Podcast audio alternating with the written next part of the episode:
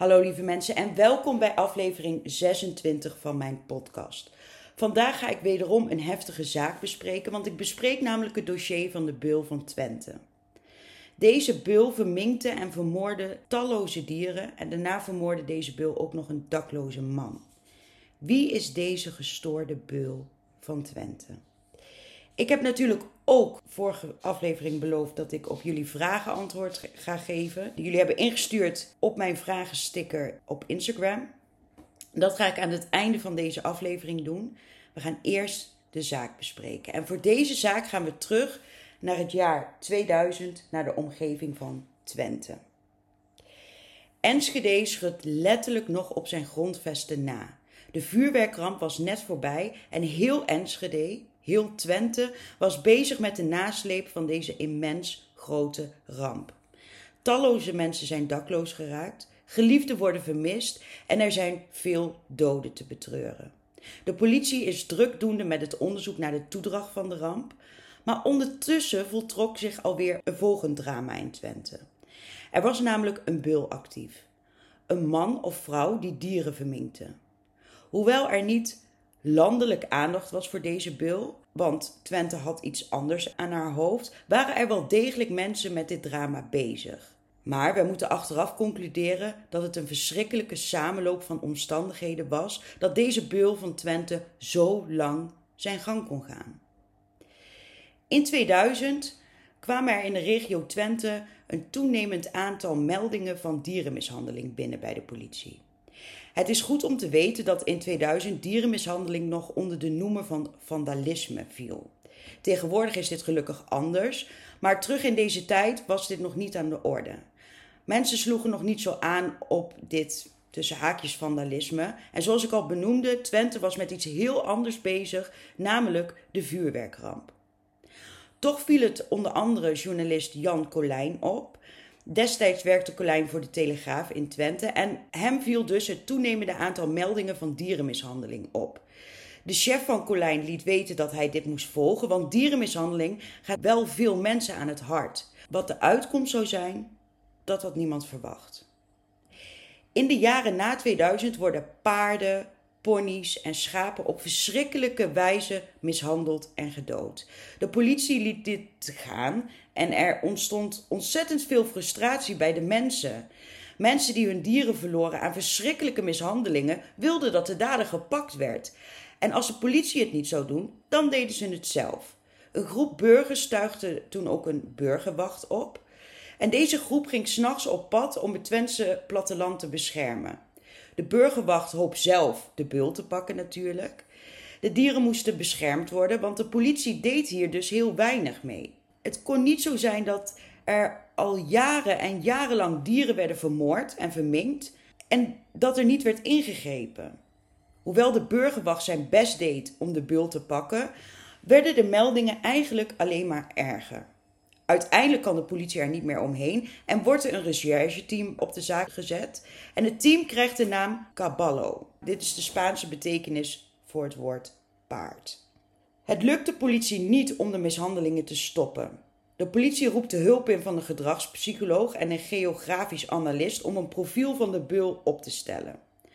Uit analyse kwam onder andere dat de beul een alleenstaande man was met een seksuele afwijking en obsessie. Toch zijn er ook geluiden van bezorgde mensen die denken dat de beul zich op een bepaald moment niet alleen op dieren, maar ook op mensen zou gaan richten. Uit onderzoek van onder andere een Amerikaanse professor blijkt dat dierenbeulen zich op een later moment focussen op mensen. Maar de recherche wil daarvan op dit punt helemaal niets van weten.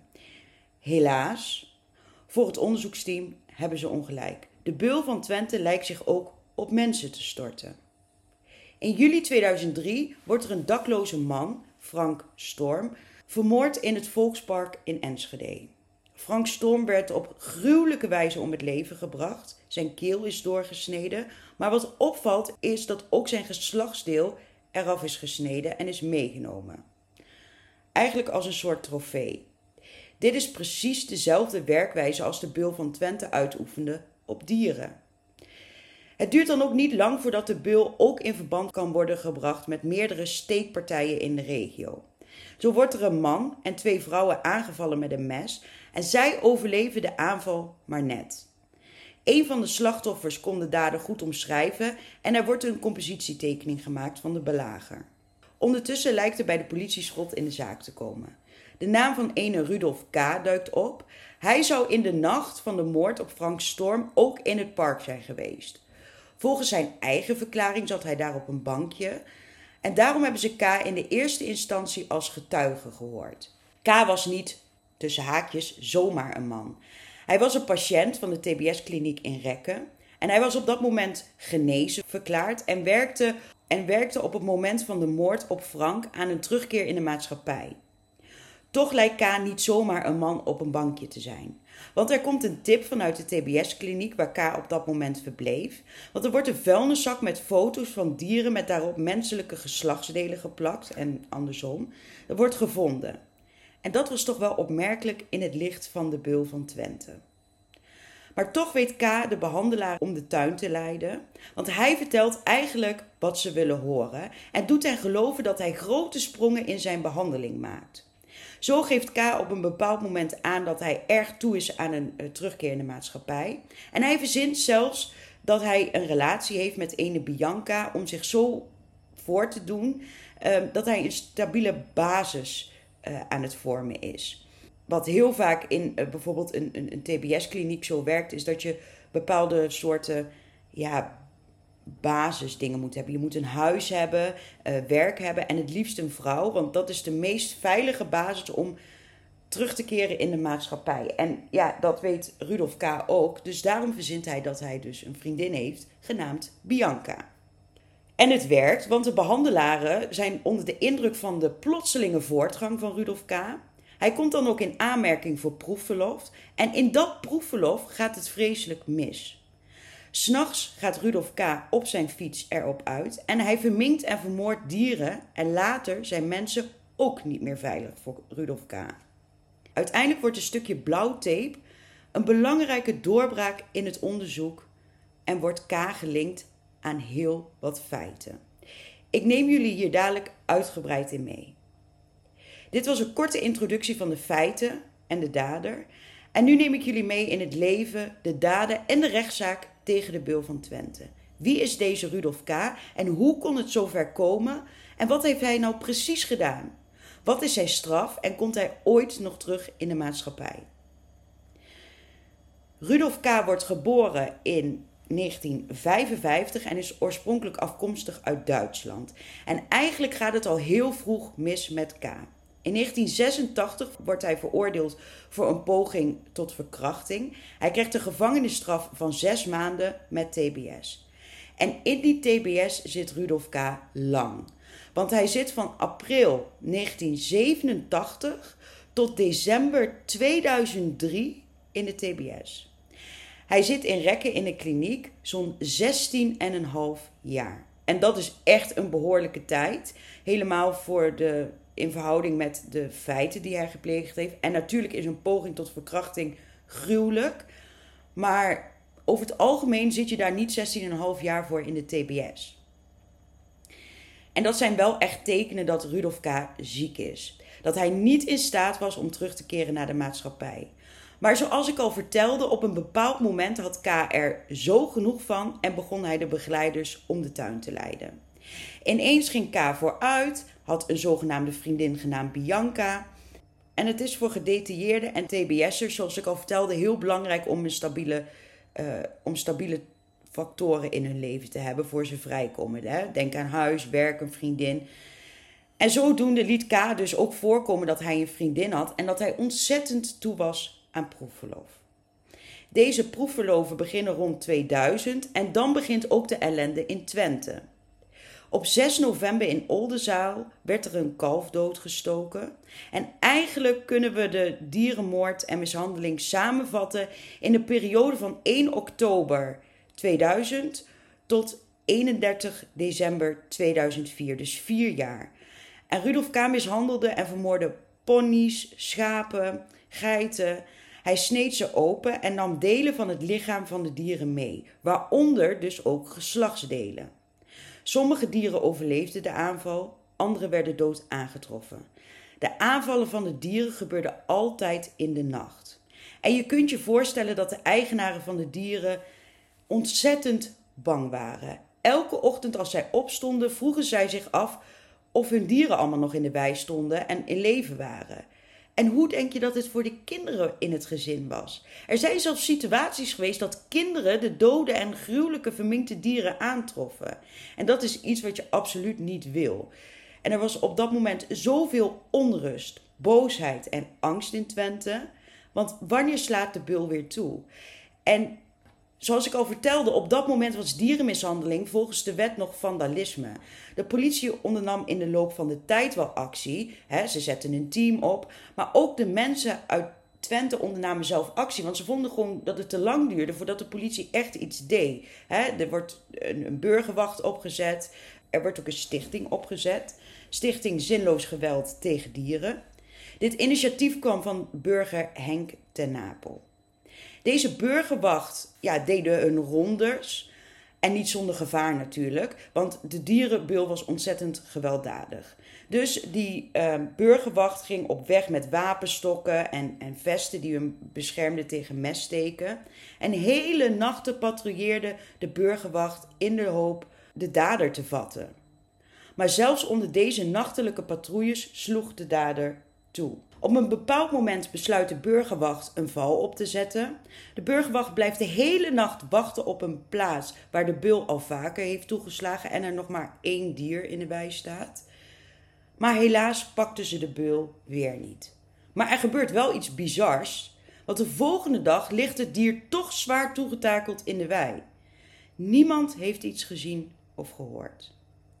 Er gebeuren meer van dat soort incidenten. En daarom richt de politie op een bepaald moment de pijlen op dierenstrijder Henk ten Napel. Want hoe kan het dat de bul elke keer toeslaat op het moment als er net niemand is of juist ergens anders dan wat gebeurt? Ten Napel wordt de main focus van het onderzoek en de politie plaatst zelfs zenders onder zijn auto. Ten Napel heeft begrip voor deze wending van het onderzoek, zegt hij later. Want hij zegt: Ja, ik stond op die barricade en ik heb al die initiatieven in het leven geroepen. En ja, hij zegt dat hij het dus wel snapt, want je ziet wel vaker, vooral in serieverband, dat daders zelf vooraan staan als er iets gebeurt. Denk bijvoorbeeld aan pyromanen. Vaak staan ze zelf vooraan te kijken wat ze hebben aangericht. Maar als de eerstvolgende keer een dier wordt aangevallen, is Ten Napel op vakantie in Frankrijk met zijn auto. Dus de politie constateert dan ook ja, dat ze op een verkeerd spoor zitten. Ten Napel was niet de beul van Twente. Maar daardoor kon de politie bijna weer opnieuw beginnen met het onderzoek. Echte sporen heeft de politie op dat moment niet. En de politie besluit dan gedragspsycholoog en een geografisch analist in te schakelen. Maar er komt uiteindelijk door deze specialisten geen doorbraak. Achteraf gezien, en dat is knap, heeft de geografisch analist de verblijfplaats van de dader tot zo'n 150 meter nauwkeurig voorspeld. Maar goed, dat is achteraf. Ondertussen doet de gedragspsycholoog een analyse en daaruit ontstaat een profiel van een man met een seksuele obsessie. Ook de hulp van de FBI wordt ingeschakeld en zij vertellen dat het meenemen van geslachtsdelen een zeer unieke afwijking is. Maar dan. Dan wordt het juli 2003 en wordt er in het Volkspark in Enschede een overleden man gevonden. Het is Frank Storm. Een man die leraar was en op dat moment een zwerversbestaan leidde. Frank Storm is op verschrikkelijke wijze om het leven gebracht. Hij is op meerdere plekken gestoken. Terwijl het slachtoffer nog in leven was, was diens geslachtsdelen weggesneden. Ook is zijn keel doorgesneden en bij het lichaam wordt een klepje van een transistorradiootje aangetroffen. Ondertussen worden er ook veel mensen aangevallen met een mes in de buurt. Deze mensen overleven wonde boven wonde de aanval. Maar wat duidelijk is, is dat een groot probleem aan het ontstaan is in de regio Twente. Het onderzoek gaat een spannende nieuwe fase in als er een link wordt ontdekt tussen de moord op Frank Storm en de dierenmishandelingen. Het valt op dat bij Frank Storm niet alleen de keel is doorgesneden, maar dat ook zijn geslachtsdeel is afgesneden. Daar ontstaat het vermoeden dat de beul van Twente mogelijk ook achter de moord op Frank Storm zit en eventueel op de aanvallen op mensen met een mes die mislukt zijn. De politie ontdekt dan ook de naam van Rudolf K. Uh, in het dossier.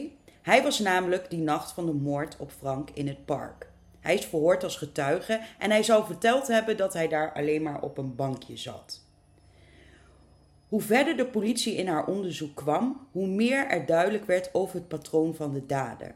Er worden intussen ook drie andere steekpartijen aan het dossier toegevoegd. Zo wordt er een man die de trein heeft gemist en op een bankje in slaap was gevallen gestoken.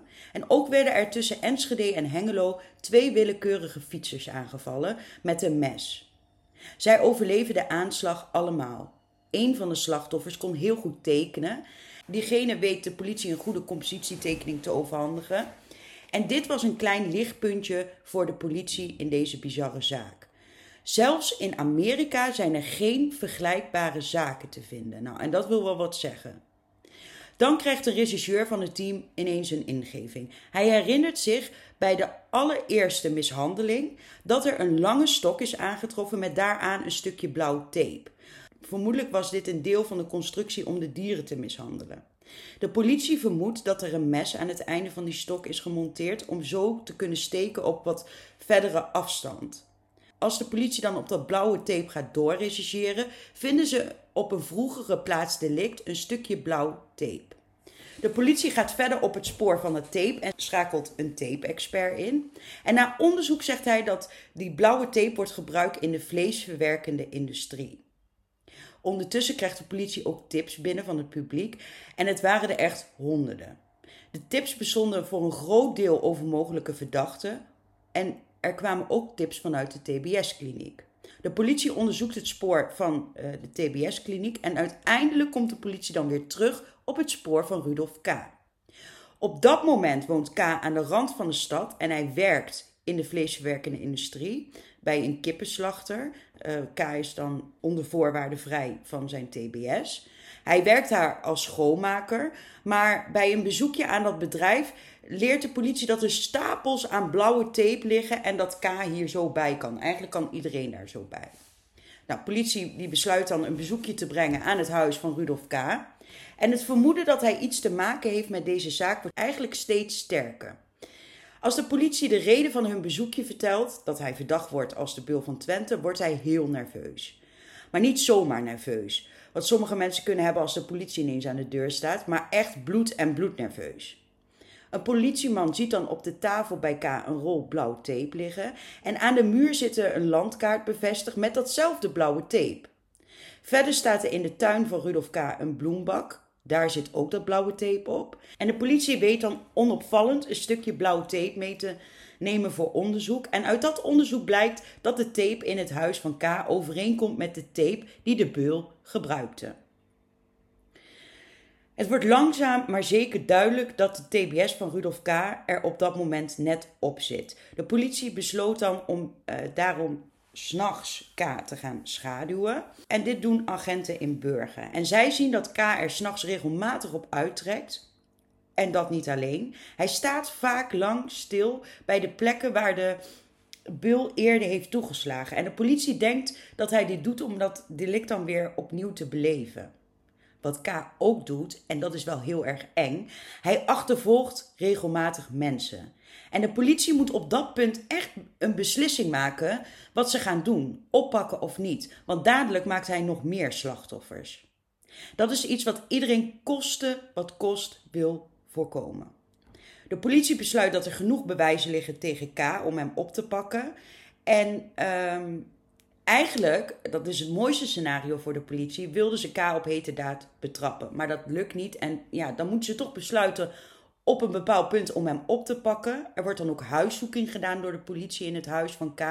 En daar vindt de politie toch een heel aantal bewijzen. Zo worden in een vuilniszak plaatjes van dieren gevonden, waar dan weer plaatjes van menselijke geslachtsdelen zijn opgeplakt. Maar het grootste bewijs wordt gevonden achter een stapel pornobanden namelijk een transistorradiootje. Daarin worden bloedsporen gevonden en na onderzoek blijkt dat dit bloed afkomstig is van Frank Storm. Verder worden ook heel veel messen gevonden in het huis en messen die zijn geprepareerd als steekwapen en gemonteerd zijn met dat blauwe tape.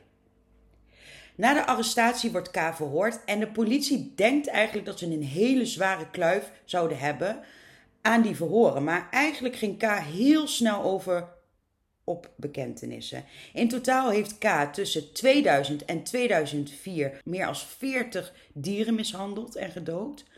Ook is hij verantwoordelijk voor de dood van Frank Storm en heeft hij drie andere mensen neergestoken. Maar wat is er nou precies in het park gebeurd? Hoe is Frank Storm aan zijn einde gekomen? In de nacht van 27 op 28 juni 2003 is Frank Storm vermoord in het Volkspark in Enschede. Zoals ik al vertelde eerder in de aflevering was Storm eerder onderwijzer, maar hij leefde nu een zwervend bestaan. In de twee dagen voorafgaand aan de moord heeft Rudolf K. het plan gesmeed om Frank om het leven te brengen. Voordat K. Frank vermoordde, heeft hij eerst twee rondjes door het park gelopen. Dit deed hij om erachter te komen of er geen mensen waren, dus geen getuigen van de moord. K. heeft Frank een hele tijd geobserveerd tot hij in slaap viel. Vervolgens is hij naar Frank gelopen, heeft hem op meerdere plekken gestoken. Terwijl Frank nog in leven was, sneed hij zijn geslachtsdeel weg. Frank heeft nog geprobeerd om het mes uit zijn borst te halen. En terwijl Frank dit probeerde, raakte hij in worsteling met K. Het was een doodstrijd die voor Frank zeker een kwartier heeft geduurd. Rudolf K. heeft verklaard dat toen hij wegging, Frank Storm nog niet dood was. In eigen woorden van K. Hij spartelde nog toen ik wegging. Verder heeft K. ook nog voorbijgangers proberen te steken. En dit gebeurde een jaar voor de moord op Frank. Dit gebeurde in de zomer van 2002. K. heeft drie keer gepoogd om mensen te steken.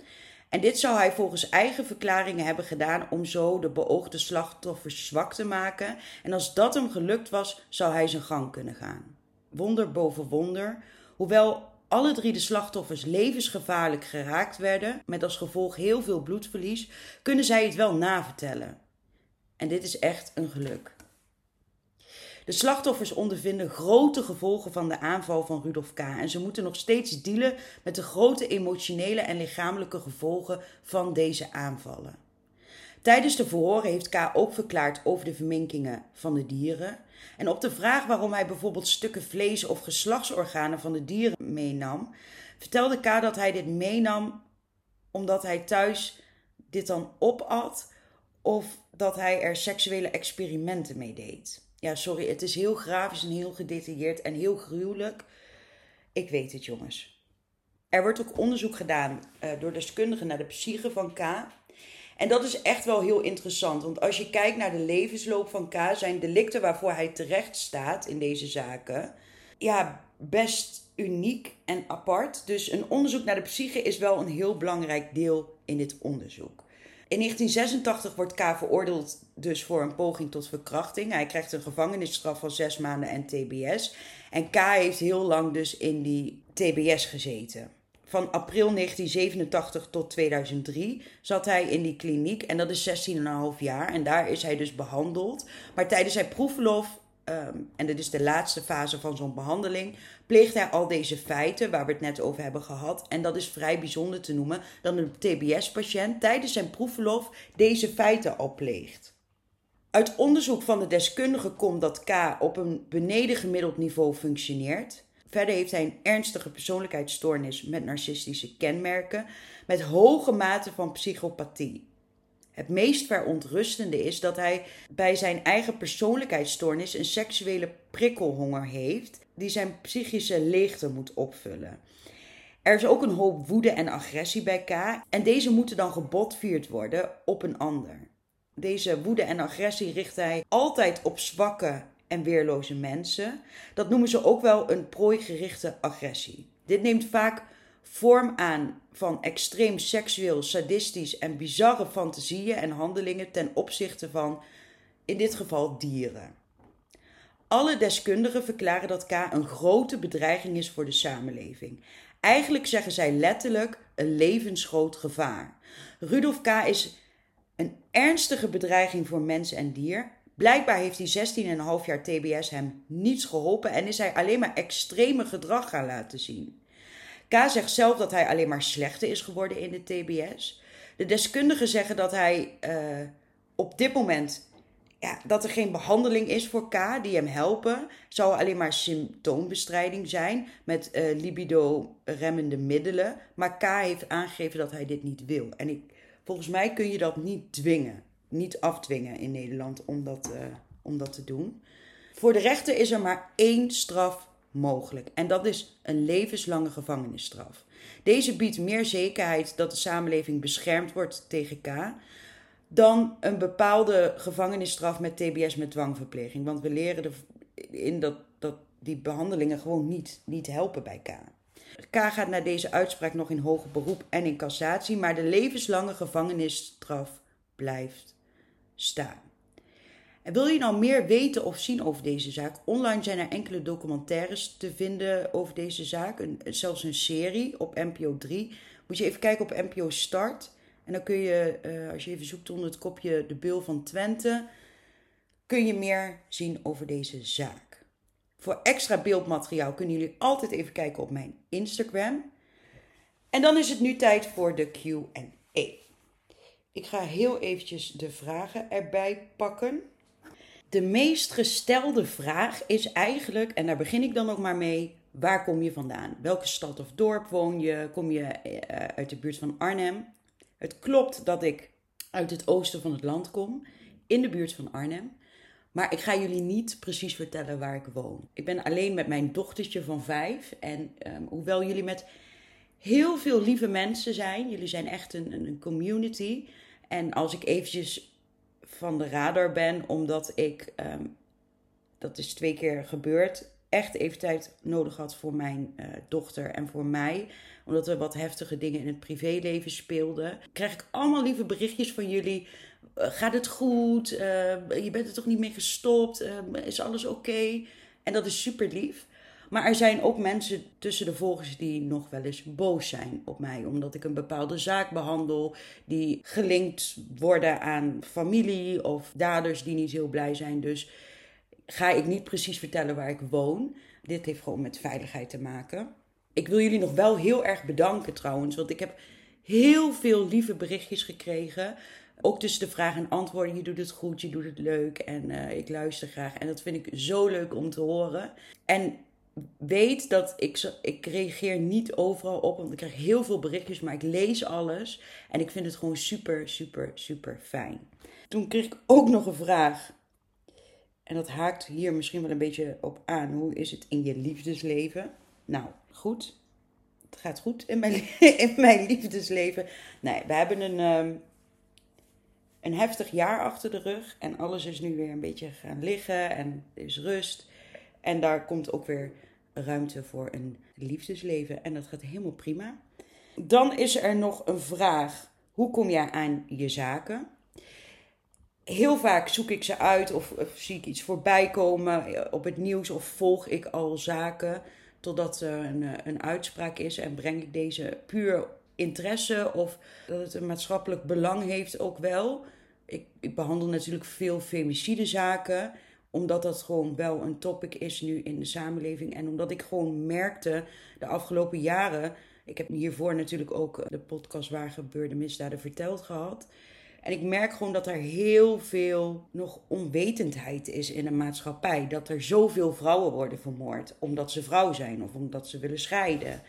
En dat betekent niet dat ik alleen die zaken breng. Helemaal niet, want het gaat ook over drugsdealers of gewoon, weet ik veel, motiefgeld of dat soort dingen. Maar ik vind het wel heel belangrijk om daar steeds aandacht aan te besteden, één keer in de zoveel tijd. Want wij zitten gewoon in de top 8 of in de top 4 van Europa aan landen waar de meeste vrouwen worden vermoord. En dan denk ik echt, hoe is dat mogelijk dat dat hier nog zo gebeurt? En er moet gewoon aandacht voor worden gevraagd. Want geen enkele vrouw hoeft vermoord te worden omdat zij besluit om te gaan scheiden. Of omdat zij besluit van tot hier niet verder. Of dat zij niet doet wat de man wil. Of, dus um, ja, dat, die zaken um, die kies ik zelf uit. Ik word ook heel vaak getipt door mensen van goh, zou je deze en deze zaken eens willen doen? Of mensen die nabestaanden zijn.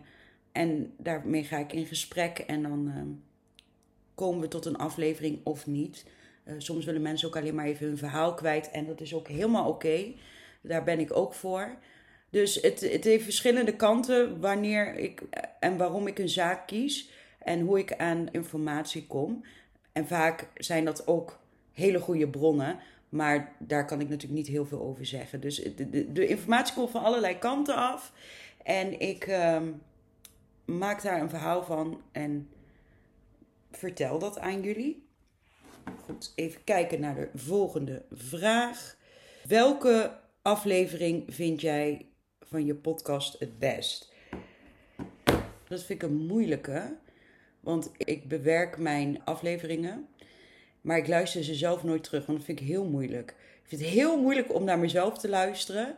Natuurlijk luister ik de aflevering terwijl ik eh, bewerk, maar ik ga ze nooit terugluisteren. Dus ja, welke vind ik het best? Vind ik ook moeilijk om te zeggen, want ik hoor en zie altijd wel aan een aflevering iets dat ik denk, hmm, dit kan anders of beter. En ik denk dat het ook wel een beetje. Ik ga ook gewoon niet kiezen, want ik vind het ook. Elke aflevering heeft zijn eigen verhaal en verdient zijn eigen plekje op, op, op mijn podcastfeed. Dus er is geen beste aflevering of slechtste aflevering. Ik, ik vind gewoon dat elk verhaal verteld moet worden. En vaak kies ik voor de verhalen die ergens op een pagina 2 van de krant staan, omdat het misschien niet zo. Ja, mensen willen toch graag details of dat zit gewoon in de mens dat ze graag uh, gruwelijke dingen of zo, of, of bekende dingen, of, waar, waar heel veel media aan, aandacht aan is, willen horen. Alleen vind ik dat mensen die op pagina 2 staan, net zo gruwelijk vermoord zijn, ook aandacht verdienen. Ja, zo zijn er heel veel zaken waar wij allemaal geen weet van hebben. En ik denk dat als journalisten of podcastmakers daar nooit een aflevering over maakt, dat jij niet weet wat er dan gebeurd is. Ja, waarom zijn zij minder als een, een verhaal die heel veel media-aandacht krijgt? Dus ik, ik ga vaak voor die zaken en ehm, ik wijk heel erg af van mijn antwoord, ik weet het. Dus ik ga niet kiezen, want elke aflevering, elk slachtoffer is even belangrijk. Wat vind je belangrijk in je dagelijks leven? Nou, dat vind ik een leuke. Wat ik heel belangrijk vind in mijn dagelijks leven is natuurlijk mijn kind. Mijn, uh, mijn dochtertje van vijf. Daar ben ik uh, heel veel mee bezig, buiten mijn werk om dan. Want daar gaat ook heel veel tijd zitten in mijn podcast. Dat is gewoon een volle werkweek. Eén aflevering is een volle werkweek. 40 uur of soms meer. Uh, dus daar ben ik druk mee. Ik ben druk met mijn dochtertje. Dat vind ik heel belangrijk. En wat ik, een ander ding wat ik heel belangrijk vind in het dagelijks leven is dat we allemaal een beetje aardig zijn tegen elkaar en lief zijn tegen elkaar. Eh, ik vind dat, we, dat de maatschappij een beetje verhard is door van allerlei omstandigheden. Maar ik probeer altijd in het dagelijks leven heel lief te zijn voor iedereen, heel aardig en niet te oordelen. Hoewel dat mens eigen is, maar ik probeer het van alle kanten te, een situatie te bezien en niet snel te oordelen over ja, bepaalde gebeurtenissen. Ik probeer altijd aardig te zijn voor mensen. Ik probeer goed te doen, omdat ik ook wel denk dat je dat, uh, dat dan terugkrijgt. Uh, dus dat vind ik heel belangrijk in het dagelijks leven. Familie vind ik ook ontzettend belangrijk. Ik kom uit een heel groot gezin. Ik heb twee broertjes en twee zusjes.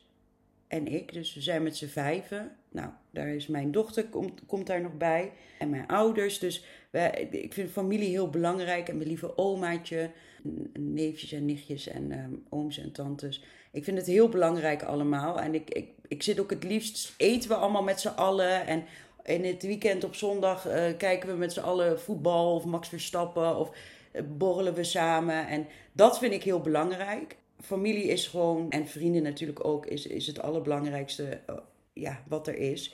Dus daar hecht ik ook heel veel waarde aan in het dagelijks leven. Want zonder familie dan, uh, tenminste zonder mijn familie was ik, uh, was ik nergens. Dat, dat is gewoon ja, super fijn. Dus ook een shout-out naar mijn familie. Die ja, June ook wel eens opvangen als het even nodig is of als ik even moet werken. Of ja, super fijn. Dus bij deze jongens, bedankt. Wanneer had je interesse in het maken van een true crime podcast? Nou, dat is denk ik een jaar of drie geleden begonnen. Nu? Oh, lang al. Drie jaar?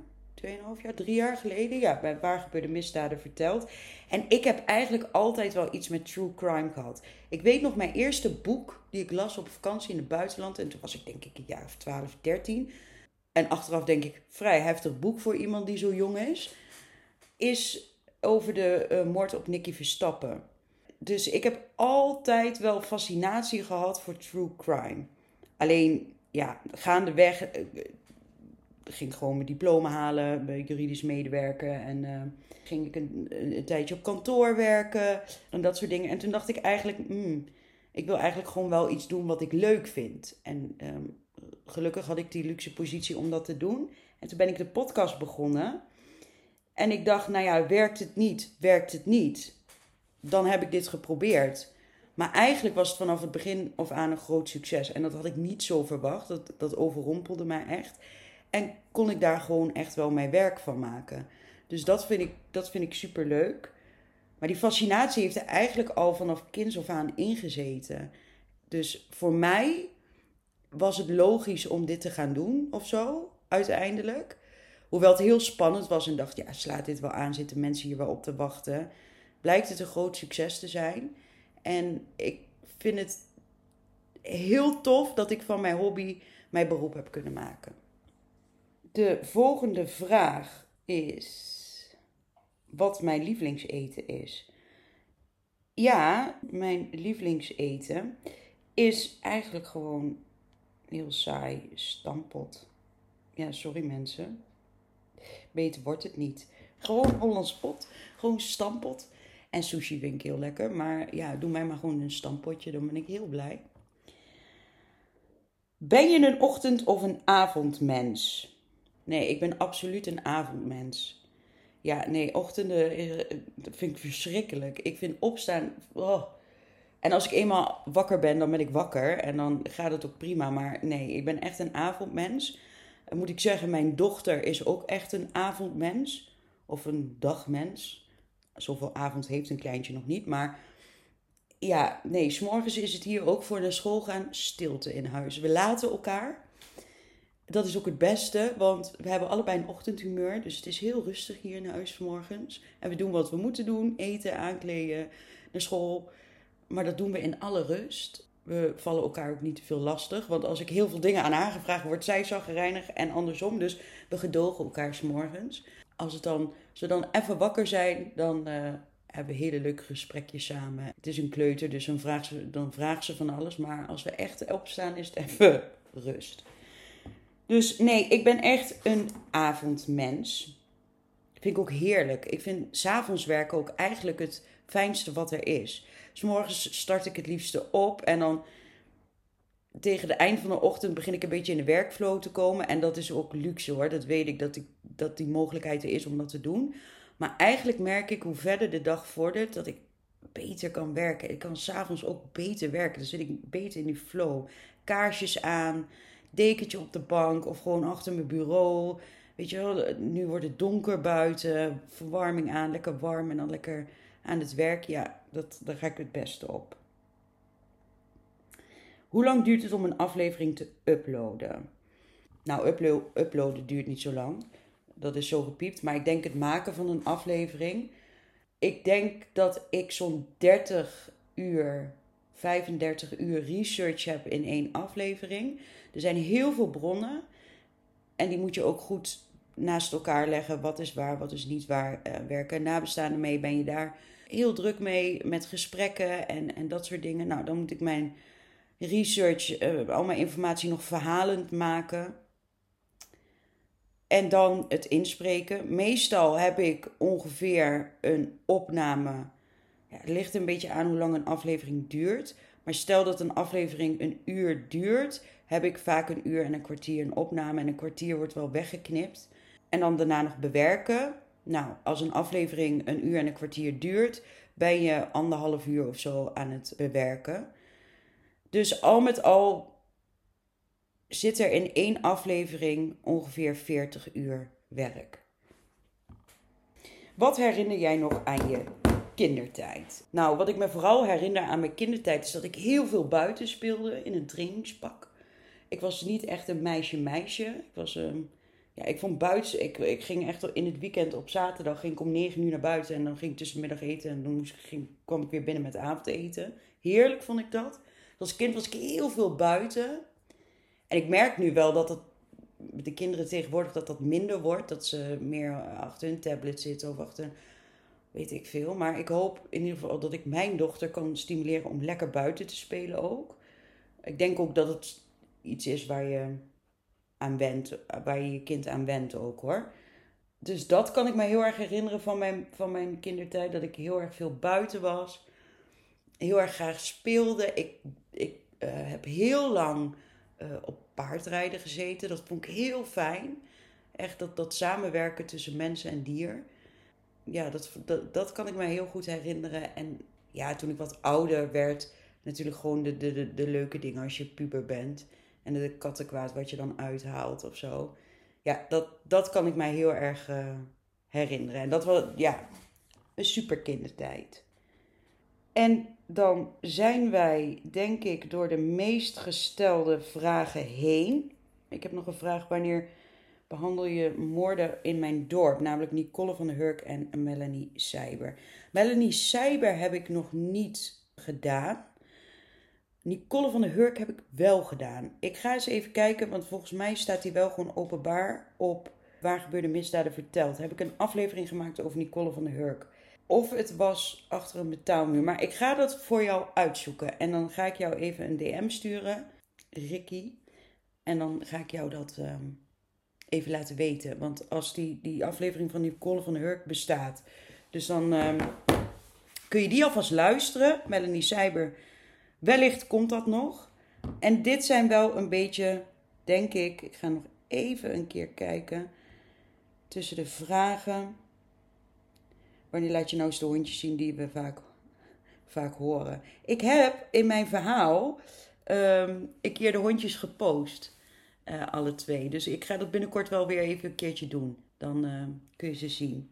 Ja, af en toe hoor je ze. Ja, ik neem gewoon op in mijn huis. En uh, geen studio of zo, dus af en toe lopen ze hier rond. Of ik vaker foto's nog kan plaatsen van mijn afleveringen. Oh, het koffiezetapparaat, jongens, even wachten. Dit was even een intermezzo van mijn koffiezetapparaat. Een heel belangrijk ding in mijn leven. Um, zou ik meer foto's kunnen... Uh, van, ja, in principe elke vrijdagochtend komt er, uh, komen de foto's van zaken online. En bij de ene zaak kan je heel veel foto's vinden en bij de andere zaak minder. Dus dat is allemaal maar een beetje, dat is maar even de vraag wat er te vinden is. En dat, dat waren de meest gestelde vragen. Dus dan over een tijdje ga ik weer een keer een QA opnemen. Misschien zijn er dan nog wel vragen uh, waar jullie denken, nou, dit willen we ook weten. Dan uh, doen we dat tegen die tijd een keer. In ieder geval wil ik voor nu jullie bedanken voor het luisteren. Bedankt voor de lieve berichtjes, de lieve vragen. Ik heb heel veel vragen gehad, maar de meest gestelde vragen heb ik er even tussenuit gefilterd. Bedankt voor het luisteren en tot volgende week, lieve mensen.